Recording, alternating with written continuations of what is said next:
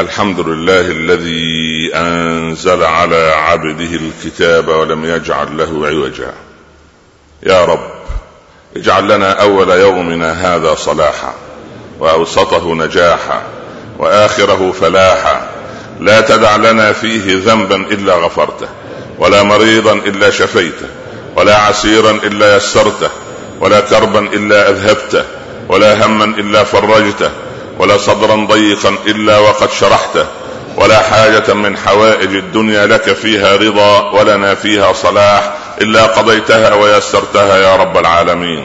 اللهم أكرمنا ولا تهنا أعطنا ولا تحرمنا زدنا ولا تنقصنا كلنا ولا تكن علينا آثرنا ولا تؤثر علينا انصرنا ولا تنصر علينا لا تجعل الدنيا أكبر همنا ولا مبلغ علمنا اجعل ثأرنا على من ظلمنا اللهم اجعل خير أعمالنا خواتمها وخير أيامنا يوم أن نلقاك وأشهد أن لا إله إلا الله وحده لا شريك له.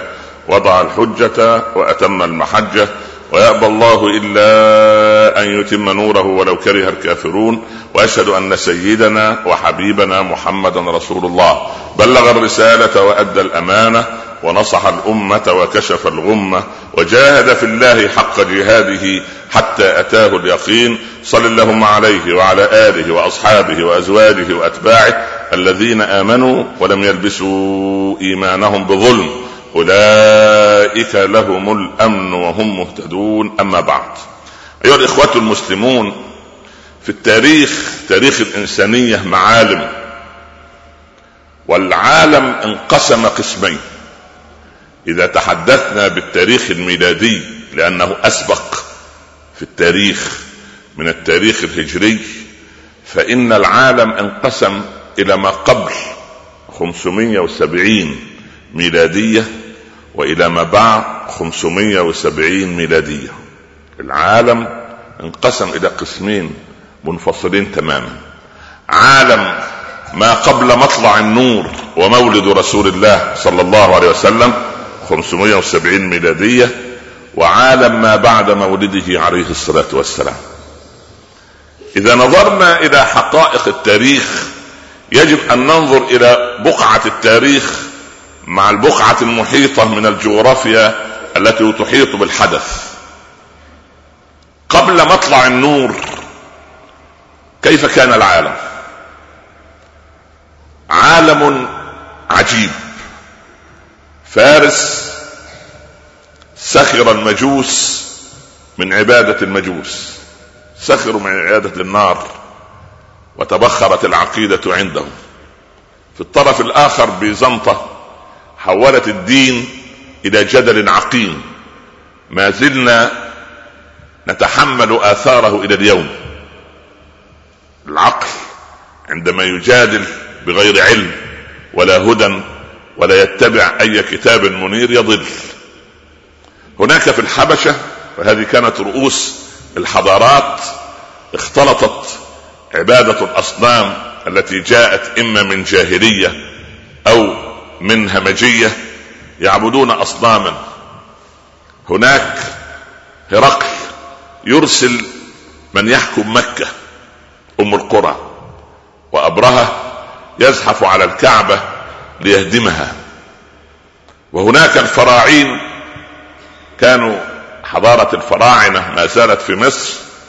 الفرعون بعد أن كان يعتبر نفسه إلها صار لأن الرهبان نصحوه أن يصير نفسه نصف إله النصف الآخر لطعامه وشرابه ونومه وغضبه ورضاه والنصف الأول النصف الإلهي والعياذ بالله الذي يقول ما علمت لكم من إله غيري هذه هي الحالة العامة للعالم يوم أن كان الحبيب صلى الله عليه وسلم جنينا في رحم آمنة. جاء بالعجب العجاب. جاء ليدعو الناس إلى عبادة إله واحد في مجتمع يعبدون آلهة غير الإله الواحد. وجاء بدين الإنسانية في مجتمع يتمتع بالعصبية. ما زالت آثاره باقية إلى يومنا. العصبية القبلية العصبية العرقية هذه العصبية التي ضيعت الكثير وكان حبيبنا يقول صلى الله عليه وسلم دعوها فإنها منتنة. جاء مطلع النور لتجتمع لحمة العصبيات المختلفة في نصرة دين الله. صهيب يأتي من الروم وسلمان يأتي من فارس وعثمان يأتي من قريش وبلال يأتي من الحبشة ثم تتوالى بعد ذلك الأجيال فيأتي أبو حامد الغزالي من أفغانستان ويأتي صلاح الدين من من جنس الأكراد ويأتي محمد إقبال من الهند وتنتصر الأمة عندما ذابت العصبيات. وعندما تبخر الدين وتبخرت العقيدة من قلوب أتباعها بدأت النعرات القبلية تظهر مرة أخرى. قبل مطلع النور الهادي الذي رأف الله بعباده بمولده وإرساله كان عبارة عن عالم يأكل الكبير الصغير ويفتك القوي بالضعيف الغلبة للغني والغلبة للقوي والغلبة للملأ. لكن انظر إلى الحالة الجغرافية والنفسية والاجتماعية للمجتمع العربي والعالمي عندما تكون الحبيب صلى الله عليه وسلم جنينا في رحم أمه. انظر إلى القبيلة اولا. قبيلة قريش. قبيلة هي درة التاج بين القبائل. تتفرع إلى فرعين. فرع أترفه الغنى وأترفته السلطة ممثلة في بني أمية. وأبناء عمومتهم الفرع الثاني الباذخ بنو عبد مناف الذي أرومة الجنس العظيم أو السلالة الكبيرة التي انحدر منها حبيبنا صلى الله عليه وسلم إن الله اصطفى من خلقه آدم واصطفى من ولد آدم إبراهيم واصطفى من ولد إبراهيم إسماعيل واصطفى من إسماعيل كنانة واصطفى من كنانة قريشا واصطفاني من قريش فأنا خيار من خيار من خيار صلى الله عليه وسلم. قبيلة تنقسم إلى هذين الفرعين. فرع يعني أعمته شهوة السلطان والمال وترف الغنى وفرع فيه التقوى والسماحة ممثلة في عبد مناف ثم في عبد المطلب ثم تناسلت هذه السلالة الطاهرة. هذه القبيلة وضع القبيلة هكذا. جد هو عبد المطلب يراه الناس فيهابونه. في قرارة قلبه شيء من اليقين. لأنه جاء مطلع النور في عالم فقد طمأنينة الباطن كما فقد طمأنينة الظاهر. طمأنينة الباطن تعتمد على الغيب وقوة الغيب الذي يرتبط الإنسان بقوي يحكم هذا الكون الحكيم الخبير سبحانه. وطمأنينة الظاهر في دولة لها مؤسسات تستطيع أن تسير أمورها. فقد العالم هذه الطمأنينة. طمأنينة الباطنيه طمأنينة الباطن وطمأنينة الظاهر. أمة ليس لها ضابط محدد. جلس كسرى في ضيافة في استضافة لقيصر وملك الصين وملك الهند في اجتماع ما قبل التاريخ. وحضر معهم عمرو بن هند مندوبا عن العرب.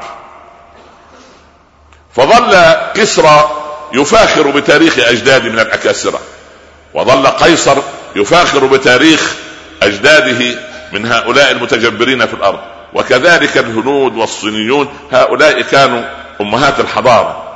فنظر كسرى إلى عمرو وقال أما أنتم يا عمرو فلا رأس لكم.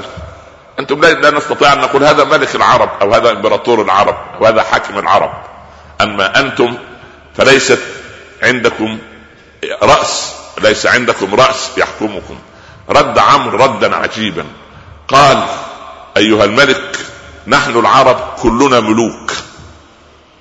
هذه يعني تؤخذ على محملين الغرور القاتل أو الفوضى القاتلة أو التعالي القاتل أو الضياع التام. أيهم؟ كيف لا يكون للمركب يعني من يقودها؟ المهم هذا هو الجد عبد المطلب يسأل أبرهة من كبير القوم؟ قالوا عبد المطلب. لما زحف بالفيلة والجيش على الكعبة. فلما دخل عبد المطلب خيمة أبرهة أكبره. كان عبد المطلب رجلا مهيب الطلعة. طويلا جسيما قسيما أبيض البشرة لحيته بيضاء له مهابة. فهابه أبرهة. وأجلسه بجواره على سرير الملك. قال ماذا تطلب يا زعيم قريش؟ قال إن جنودك أخذوا في حوزتهم مئة من النوق هي لي. فتعجب أبرهة وقال أنا جئت لأهدم بيت آبائك وأجدادك وسؤددك الذي تعتز به وأنت تطالبني بمئة من النوق. قال عبد المطلب وهذا يعني وضوح جينات التقوى داخل هذه السلالة. أنا قبل مطلع هذه أعود إلى التاريخ لأن الوراثة لها عامل طيب. لن تجد إنسانا متكبرا في الكون إلا وله طفولة بائسة أو عائلة منحطة. لكن العائلات الكبيرة لا يأتي أفرادها ولا سلالتها بشيء مشين. يخافون على شرف القبيلة واسم العائلة ويخافون على ال ال ال ال يعني الأرومة التي أو الشجرة الباسقة التي ينتمي إليها كل فرع قال عبد المطلب في كلام عجيب الإبل الإبل أنا ربها أنا صاحب الإبل. أما للبيت فله رب يحميه. هذا كلام ينم عن شيء داخل قلب هذا الإنسان الذي لما أراده هو الحارث ولده ولم يكن له إلا الحارث ابنا. فرأى في الرؤيا هاتفا يهتف به يا عبد المطلب احفر برة. برة بر باء راء تاء مربوطة قال للهاتف في رؤياه وما برة؟ غاب الهاتف.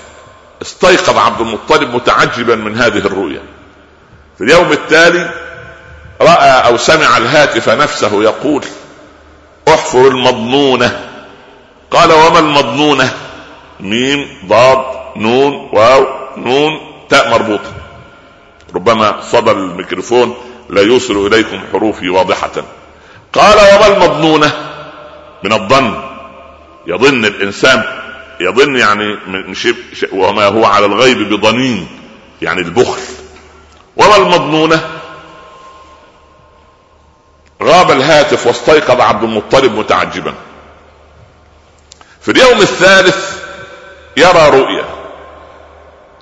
نفس الهاتف ينادي عليه احفر زمزم. قال وما زمزم؟ قال لا تخفر ولا تذم. يعني لا تنقص ولا يذمها أحد عند نقرة الغراب الأعصم. الغراب الأعصم هو الغراب الذي تحت رقبته ريشة بيضاء وهذا غراب عزيز بين الغربان. الغربان كلها سود. الغراب الأعصم هذا يعني شيء بسيط نادر جدا بين الغربان. استيقظ عبد المطلب متحيرا. رؤيا ثلاثة أيام متتالية واضعا يديه خلف ظهره يتجول ويطوف حول الكعبة يتذكر ويتفكر في هذه الرؤى الثلاث أو هذه الهواتف التي تهتف به ليلا. إذا به فجأة يرى أمامه غرابا أعصم غراب أسود في ريشه بيضاء ينقر. فتذكر وذهب إلى البيت فجاء بالحارث ولده ولم يكن له ولد غيره معه فأس والحارث أعطاه فأسا وجاءوا عند المكان الذي ينقر فيه الغراب وبدأوا في الحفر. هبت قريش والملأ ماذا تفعل يا أبانا يا عمنا يا زعيمنا يا كبيرنا؟ ماذا تفعل يا عبد المطلب؟ قال أحفر هنا. قالوا عجبا تحفر حفرة بجوار بيت أبائنا وأجدادنا كي ينهدم. نحن نمنعك. وما الحلف؟ قالوا تعالوا لنتحاكم عند الكاهنة. كان الناس دائما تلجأ إلى شيء من الغيب. لابد أن فيه خيط يربط الناس بالغيب.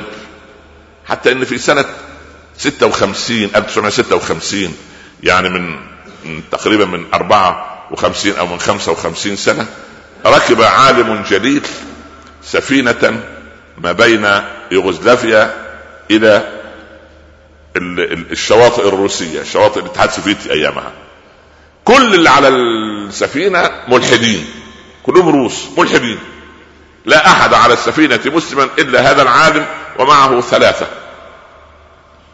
لعبت الأمواج بالسفينة. صعد كل الركاب والبحارة فوق سطح السفينة وهم ملحدون يرفعون أيديهم للسماء. فبعدما هدأت السفينة قال العالم لهم رحمه الله إلى ما كنتم ترفعون أيديكم قالوا لا ندري. الملحد لسانه يقول لا إله وكل ذرة في كونه في كيانه تقول لا إله إلا الله. نتحاكم إلى كاهنة إلى الكاهنة في حدود الشام. فنظر عبد المطلب أنهم منعوني لما وجدوا لي ولدا واحدا فعاهد ربه قال يا رب إن رزقتني من الولد عشرة لأذبحن أحدهم قربة وقربانا لك.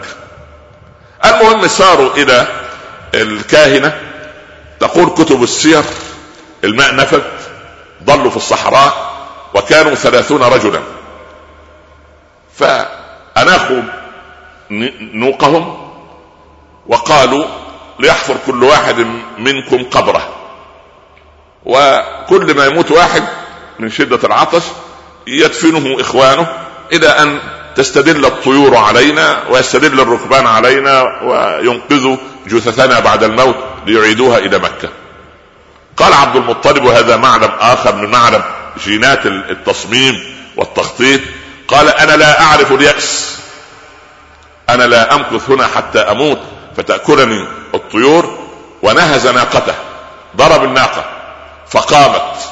أنت تعرف أن البعير عندما يقوم سبحان الله فإذا تحت حافر الناقة تنبع عين من الماء وسط الصحراء شرب القوم وأخذوا ما, ما عندهم وذهبوا إلى الكاهنة وقضت وقالت يعني ال ال لما يعني كان في هذا الوقت يعني تركتكم في سطر آه، أنتم أعلم مني بالتاريخ أن عبد المطلب في هذه المرحلة مرحلة الذهاب للكاهنة ويوم الحفر كان فعلا رزق بالعشره ولما وقعت القرعة على ابنه عبد الله الأثير عنده تحاكموا إلى الكاهنة فقالت الكاهنة كم الدية عندكم؟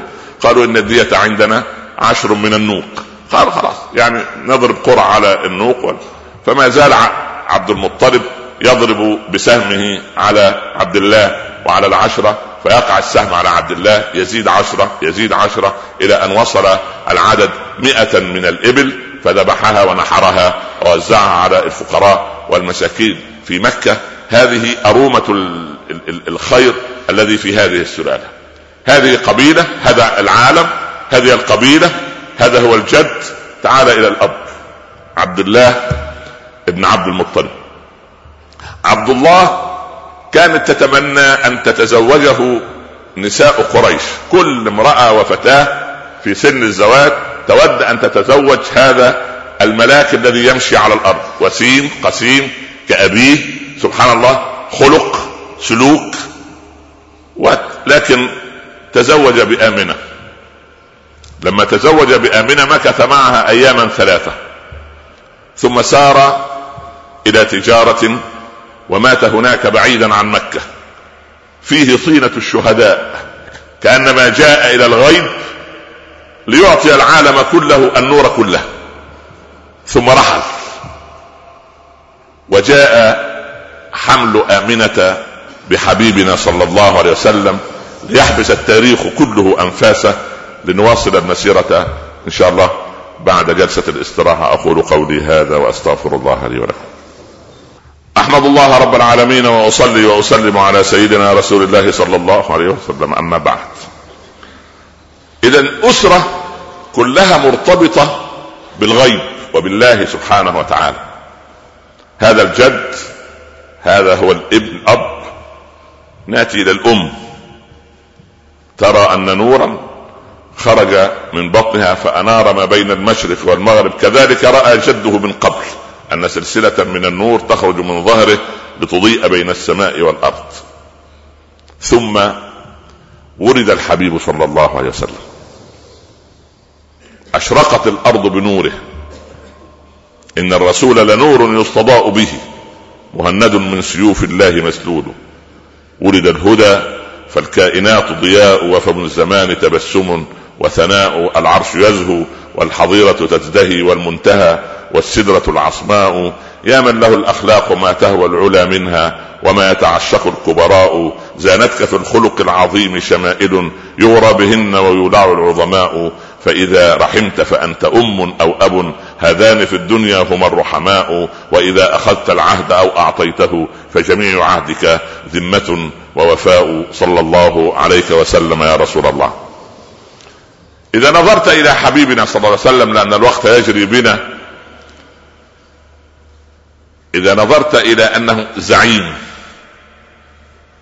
أو قائد أو أب أو زوج أو صديق أو عالم أو فارس مقاتل أو إنسان فيه كل خلق الإنسانية سوف تجد هذا كله متمثلا في حبيبنا صلى الله عليه وسلم.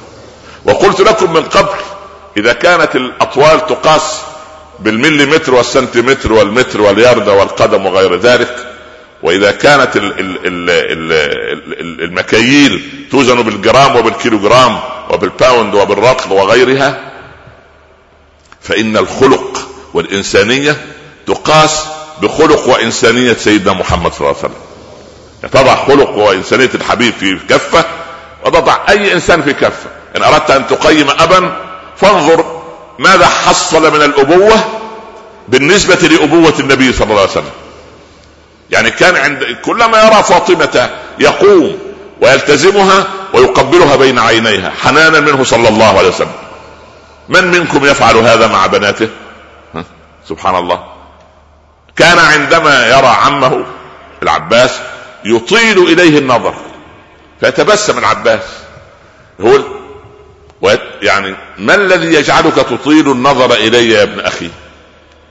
يقول متبسما اعجبني أعجبني جمال عم النبي. يقول العباس وما جمال الرجل يا رسول الله؟ قال لسانه اللسان الطيب اللسان الجميل. لما سئل العباس أأنت الأكبر أم رسول الله؟ فقال من أدبه رسول الله أكبر مني ولكني ولدت قبله.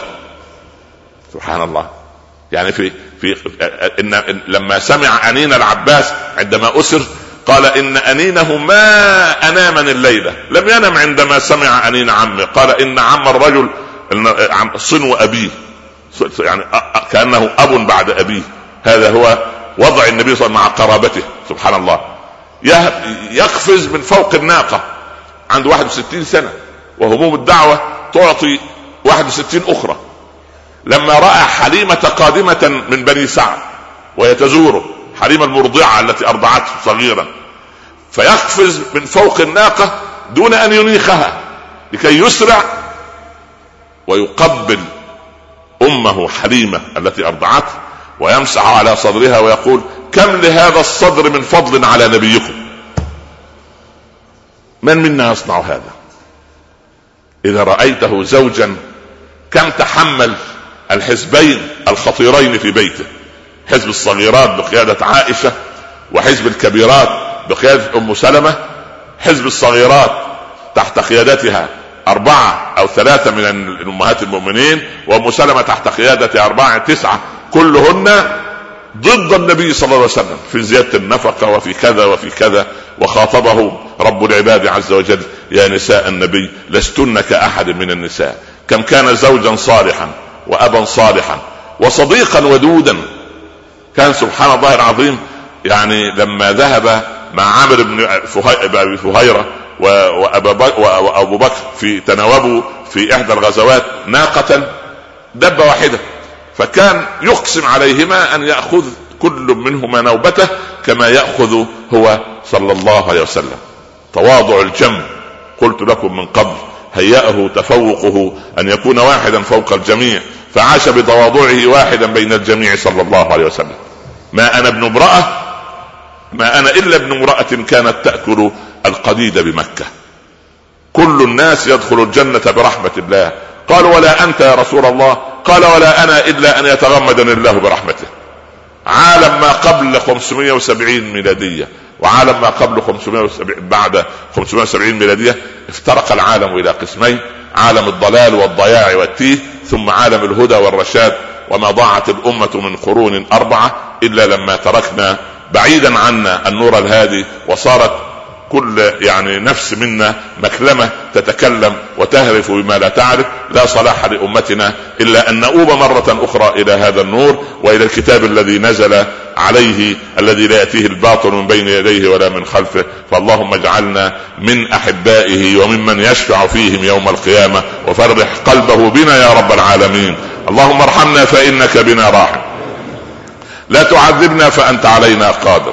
الطف بنا يا مولانا فيما جرت به المقادير اجعل هذا البلد آمنا مطمئنا وسائر بلاد المسلمين. أمن يا رب أهل العراق في عراقهم.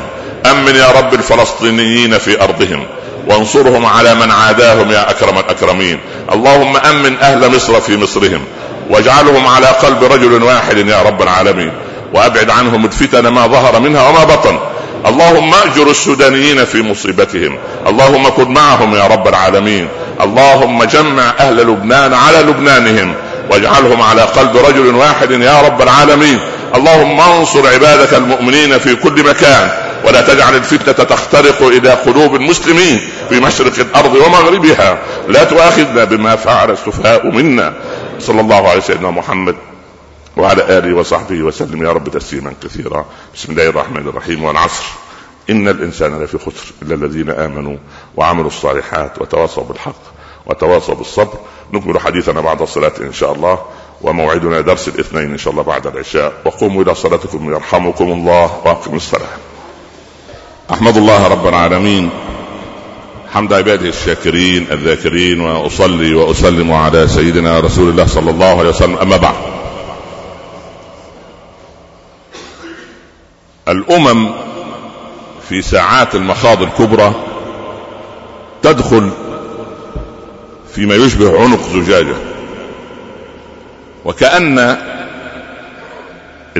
العالم قبل مولد الحبيب صلى الله عليه وسلم كان في عنق زجاجة لكن العنق كان طويلا.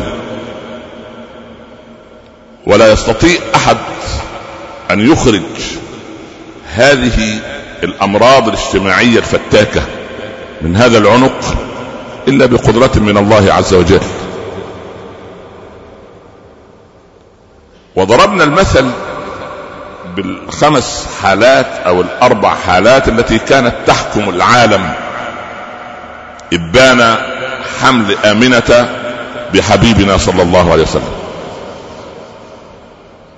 العجيب أن النبي صلى الله عليه وسلم كما قلنا في الخطبة أنه يأتي بدين الإنسانية في أمة هي العصبية بذاتها.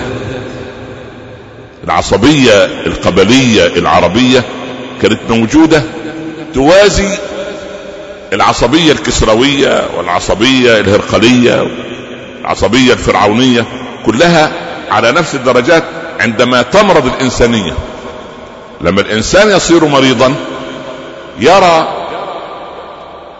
أن العالم عبارة عن الأربع اتجاهات مرايا مرآة على اليمين ومرآة على اليسار ومرآة من الخلف ومرآة في الأمام.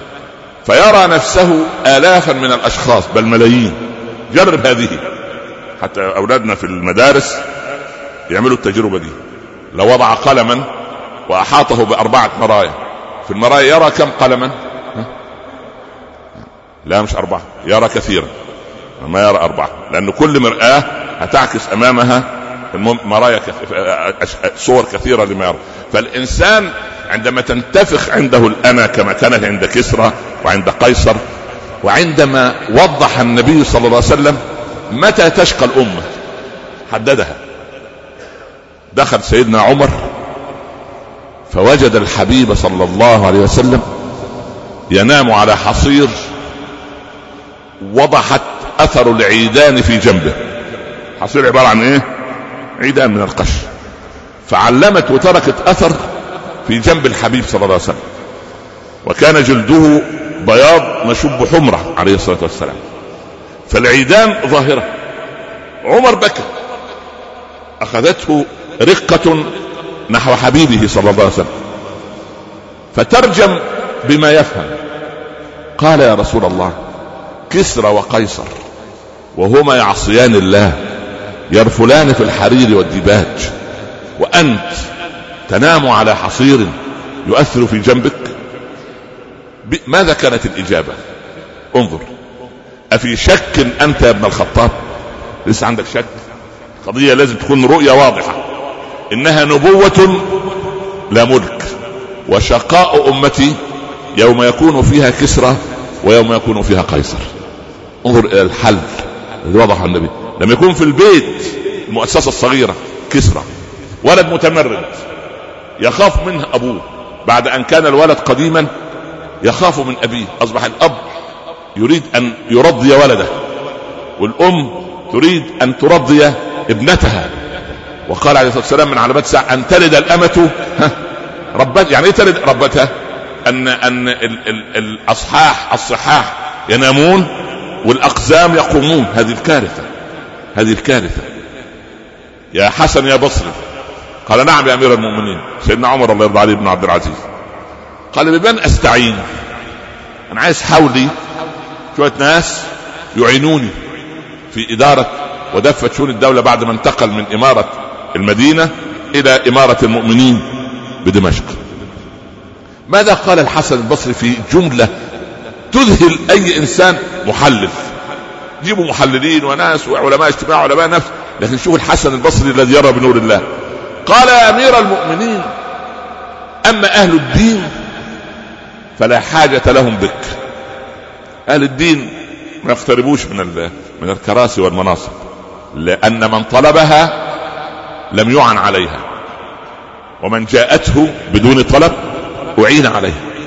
واحد يسعى لها يسعى للإدارة الله لا يعين عليها. لا يعان. وأنت ترى الصور. ف سيدنا الحسن البصري أما أهل الدين فلا حاجة لهم بك. لأن أبو حنيفة هرب من القضاء. ولما أبو لما أمير المؤمنين جابه قال له يا أبا حنيفة من يتولى القضاء غيرك؟ معقول يعني أنت تعتد ليه قال أنا لا أحسن القضاء يا أمير المؤمنين. يا الله. أبو حنيفة. لا يحسن فمن يحسن القضاء؟ أمير المؤمنين تعجب قال وتكذب يا أبا حنيفة؟ يعني وكمان يعني إمام وعالم ومفتي وكمان تكذب وتقول أنا لا أحسن. قال يا أمير المؤمنين إن كنت صادقا بأنني لا أحسن فصدقني. وإن كنت كاذبا كيف تولي قاضيا للمسلمين كاذبا؟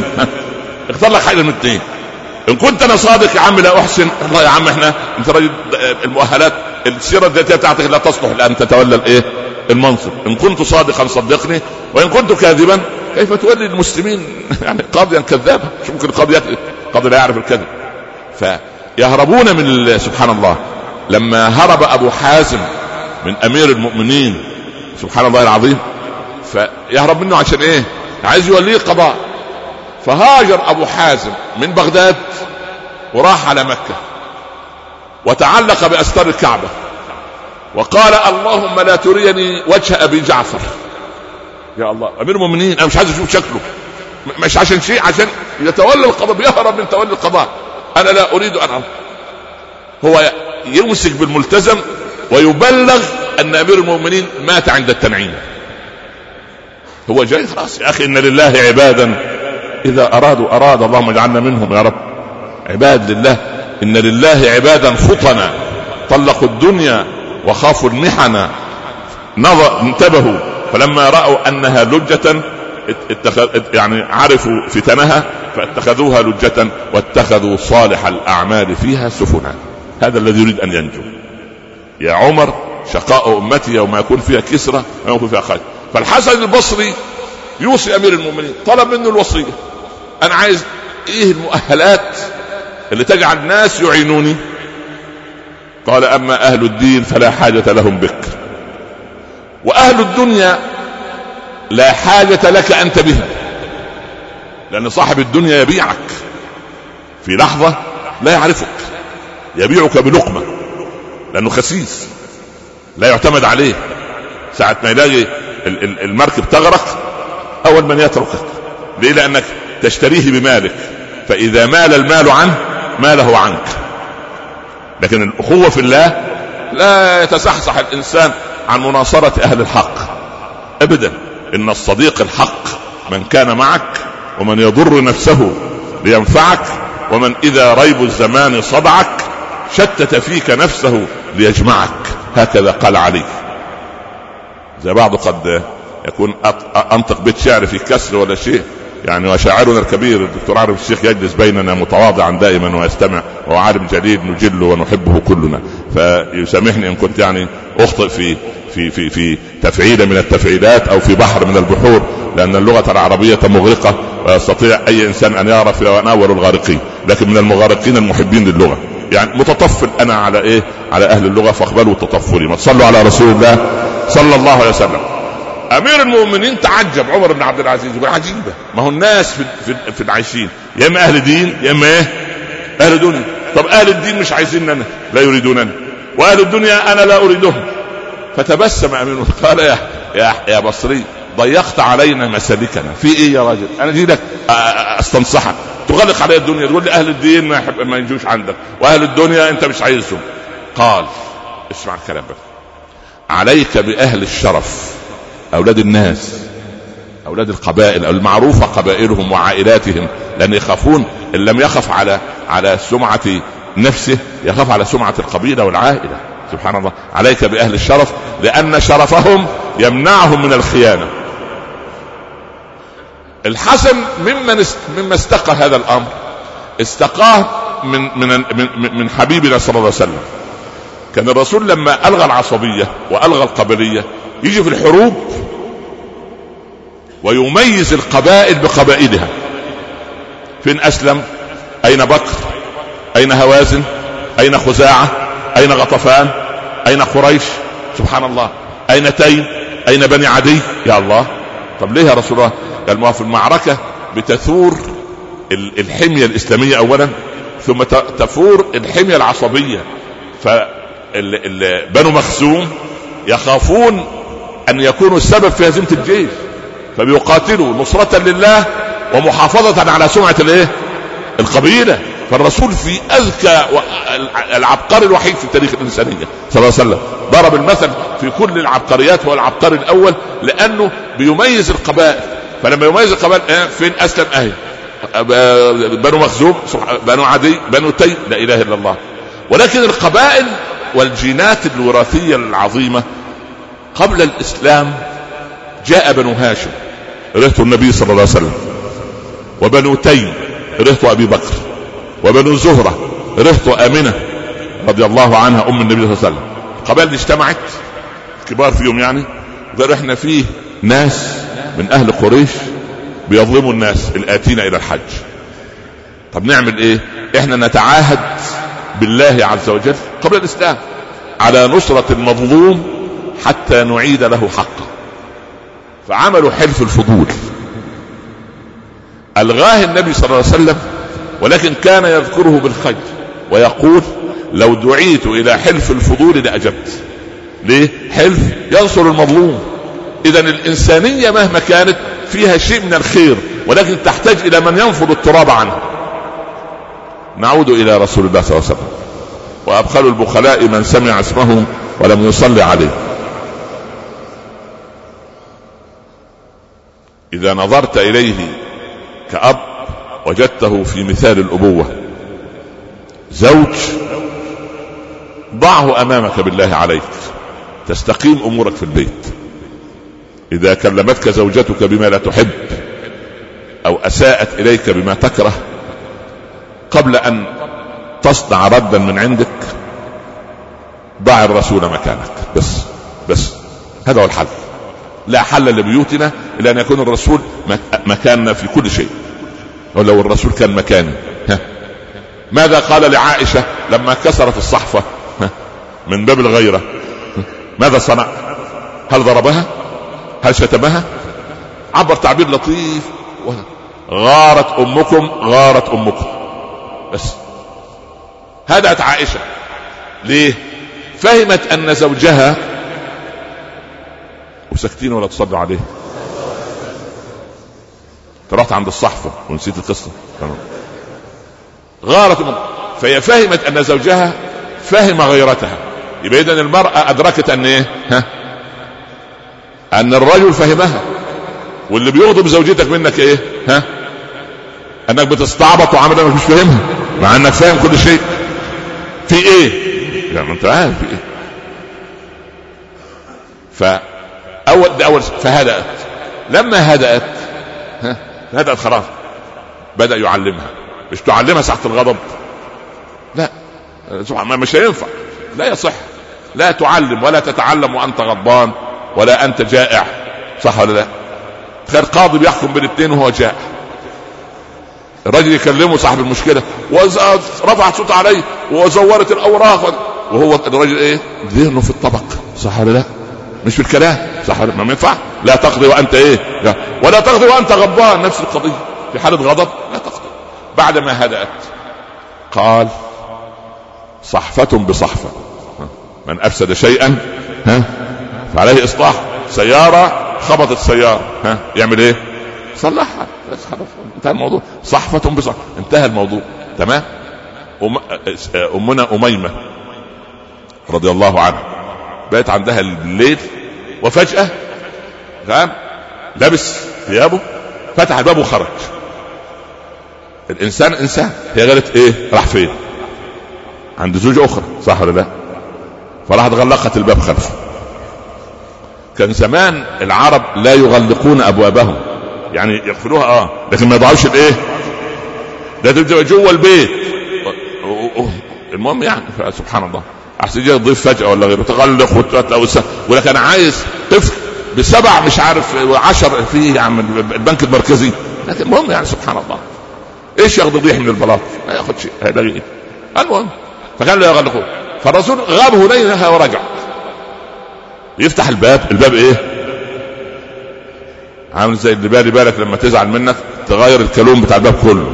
حط ما فيش مفتاح. دور لك على من يفتح لك يا فتاح. المهم يا فتاح يا عليم. انت افتح ما الرسول يفتح الباب لا يفتح. افتحي يا امي قالت عد إلى المكان الذي كنت فيه. بالعكس بقى حط أنت نفسك مكان الرسول. بلاش الرسول مكانك لا.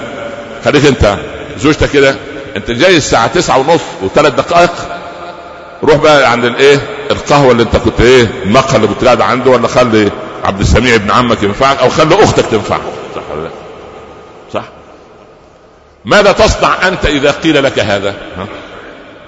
هتثور مش رجولتك لا ذكورتك صح؟ في فرق. الرجولة تحتوي الموقف وتكبر. قال افتحي. ففتحت قال آلمتني بطني فما أردت أن أؤذيك فخرجت ثم عدت. أمنا عائشة قد خرج من عندي ليلة فقال شيطاني لي إنه ذهب إلى زوجة أخرى. فارتديت وسرت خلفه فوجدته ذهب إلى البقيع. يا الله وجلس فاستغفر لهم ودعا لهم. ثم هم أن يقوم. هي لسه النفسية الإنسانية حتى بدأ انه بعد ما هيزور هيزور ها؟ فالرسول طلع أنه راجع على البيت. قال فأسرعت. حتى حفزني النفس. هي من تجري لكن الرسول صلى الله عليه وسلم كان يمشي. كأنما تطوى له الأرض طية. وكأنما هبط من علي. يعني زي ما يكون واحد نازل إيه؟ من فوق الجسر. فالأرض تطوى له. فهي تجري. فخلعت خماري وجلست وأنا يحفزني النفس. شهيق زفير شهيق. فنظر إلي. فاهم. فاهم. مش زوج لا هو فاهم القضية. قال يا عائشة أتظنين أن الله يدلس عليك؟ يعني لما تزوجتك يعني فكر إن الموضوع فيه كده ولا سبحان الله. ها؟ وانتهى الموقف. هل بلغك وانت تقرا في كتب السيرة وأنتم أهل قراءة؟ ما شاء الله عليكم. لا قوة الا بالله تقرأوا الصحف والحوادث وكده. ما شاء الله الله يبارك فيكم يا رب. يبارك لكم في قراءاتكم. سبحان الله ال ال ال ال هل قرأت أن الرسول لما جلس يعاتب عائشة يوما رجع لها السيرة الذاتية بتاعتها من يوم الهجرة؟ أنت ماذا تصنع؟ لما نجلس نصلح بينك وبين الزوجة؟ لا لا استنى نسيت أقول لك يا شيخ. خير ما خلاص يا ابني. لا لا لا. في 19 فبراير سنة 1937 كان جدها جدها جد لا ندور على السلالات ولا الأبحاث ولا نبحث في التاريخ والسيرة بتاعت أهلك وبتاع جدك وجدتك.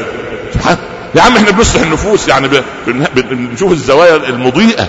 سبحان الله. فكانت هذه زوجيته صلى الله عليه وسلم. أما صداقته.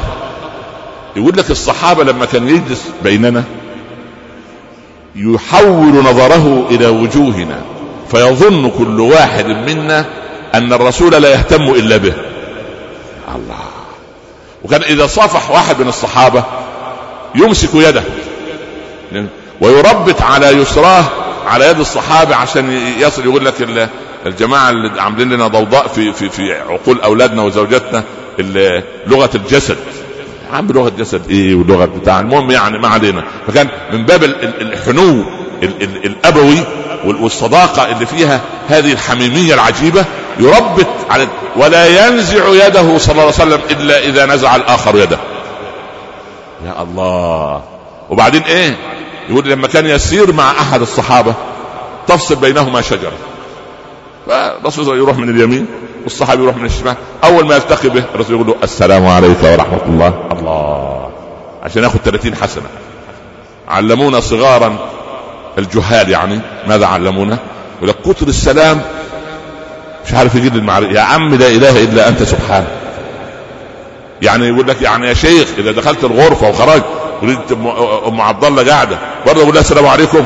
ما أنا قلت لها يوم ما خطبتها من 40 سنة. لا يا ابني قول لها. قول لها السلام عليكم ودد نفسك قرب نفسك إليها. ما دي بتترك أثر. صحيح ممكن ترد عليك تكون مثلا واخدة على خاطرها منك شوية. يعني وهان عليك تسلم علينا لا إله إلا الله. برضه هي صناعة. جاي من عند من؟ يعني جاي من بيت أبو بكر. جاي برضه بيت الحاج عبد الرحمن وأخوك حسن وعمك عبد الحميد. ربنا يهدينا جميعا سواء السبيل. فصداقته صلى الله عليه وسلم ودود. ده حتى ودود. سبحان الله. مع العاقل وغير العاقل لما سمع مش هو اللي سمع بس لما ترك الجذع سمع الصحابة خنينا صوت أنين للجذع كأنين الصبي الذي يريد أن يرضع. قطع خطبته. شوف الود. قطع الخطبة ونزل. وضع يده على الجذع. فسكن. أول لمسة من يده الشريفة سكن الجذع وبعدين يقول إيه؟ ضعوه في سقف المسجد كي لا تأكله الأرض. إنه خدمنا زمنا. يا الله.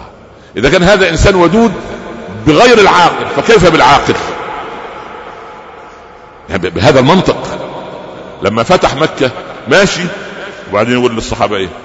هنا حجر أعرفه ويعرفني كان يسلم علي كلما مررت عليه. حجر من معجزاته العجيبة صلى الله عليه وسلم لقيه أعرابي منفردا. أبو بكر راح يقضي حاجة فترك الرسول في الصحن أعرابي عرفه. قال أنت محمد بن عبد الله؟ قال نعم. قال ما الذي يثبت لي بمعجزة أنك نبي؟ الرسول وحده. يثبت له إزاي ده؟ في شجرة زي صبارة أو شيء.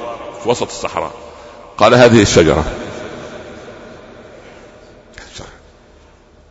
تعال يا شجرة. فجاءت لها حفيف. وقفت أمامه. قال من أنا يا شجرة؟ قالت بلسان عربي مبين أنت محمد رسول الله. وعادت. لكن نحن نرى معجزاته السلوكية والخلقية والنفسية أعظم من معجزاته المادية الحسية لأن المعجزات المادية الحسية قد يقول قال هذا حديث كذا وهذا حديث كذا لكننا رأينا على مر التاريخ أن معجزاته الخلقية ما أساء الناس إليه إساءة وما اكثروا في الجهل عليه إلا وازداد حلما صلى الله عليه وسلم. سبحان الله. كل ما يزداد الناس إساءة هو يزداد حلم. لا حول ولا قوة إلا بالله. الرجل الذي دخل وهجاه وتعدى الحدود قال هذه قسمة ما أريد بها وجه الله. يا الله. هذه ليس فيها عدل. الرسول غضب بشر. قال من يعدل إذا لم أعدل أنا؟ معقول. والأعرابي لما أعطاه قال هل رضيت يا أعرابي؟ قال لا. ما أعطيت وما عدلت. يا الله. أعرابي يعني أنت لا تشتريه في السوق بما يساوي البعير الذي يركب. لكن الرسول يشرح صدره له. سبحان الله. يشرح صدره. آه، رضيت يا أعرابي؟ لا لم ارضى عمر دائما أول ما يسمع حد يتعدى الحدود تتحسس يده سيفا. أمسك الرسول يد عمر. اسكت يا عمر. خلاص. أخذ الرسول الاعرابي إلى بيته. وجاله بالمال اللي يملكه وأعطاه له. هل رضيت يا اعرابي قال رضيت يا رسول الله. قال هذا بيني وبينك. ده بيني وبينك يعني الصلح ده تم إيه؟ في غرفة مغلقة. الصحابة واخدين على خاطرهم منك شوية. فأخذه. فقال يا أعرابي هل رضيت؟ قال رضيت. يا سلام. شوف يا أخي أمام الصحابة. لو واحد مننا يا عم ترضى أو لا ترضى أنت لا, لا يفرق معي رضاك سبحانه ابدا. لا. هذا الخلق وهذا السلوك لما ابتعدنا عنه ظهر فينا كسرى وظهر فينا قيصر. نحن لا نريد أن نربي أبناءنا على كبر ولا على تعدي ولا على غرور. لا تقل لولدك إذا المعلم كلمك ولا ده إيه؟ ده جنسيته كذا ده من بلد كذا ده من مدينة كذا ده من عائلة كذا وأنت من عائلة لا لا. إذا كبرت الولد على هذا فسوف نحصل على طغاة كثيرين في عالمنا. وأي طاغية في عالمنا لو درست تاريخه عنده طفولة مشردة أو طفولة بائسة أو أم لم تربي أو أب سبحان الله لم يعرف معنى الأبوة أو سلوكيات في البيوت نشأت هؤلاء بيننا اللهم أصلح ذات بيننا اللهم يعني أكرمنا ولا تهنا أعطنا ولا تحرمنا زدنا ولا تنقصنا اللهم رب لنا أولادنا على الكتاب والسنة واجعل هذا البلد آمنا مطمئنا وسائر بلاد المسلمين سخاء رخاء يا رب العالمين وصلى الله على سيدنا محمد وآله وصحبه وسلم نلقاكم الاثنين القادم إن شاء الله والسلام عليكم ورحمة الله تعالى وبركاته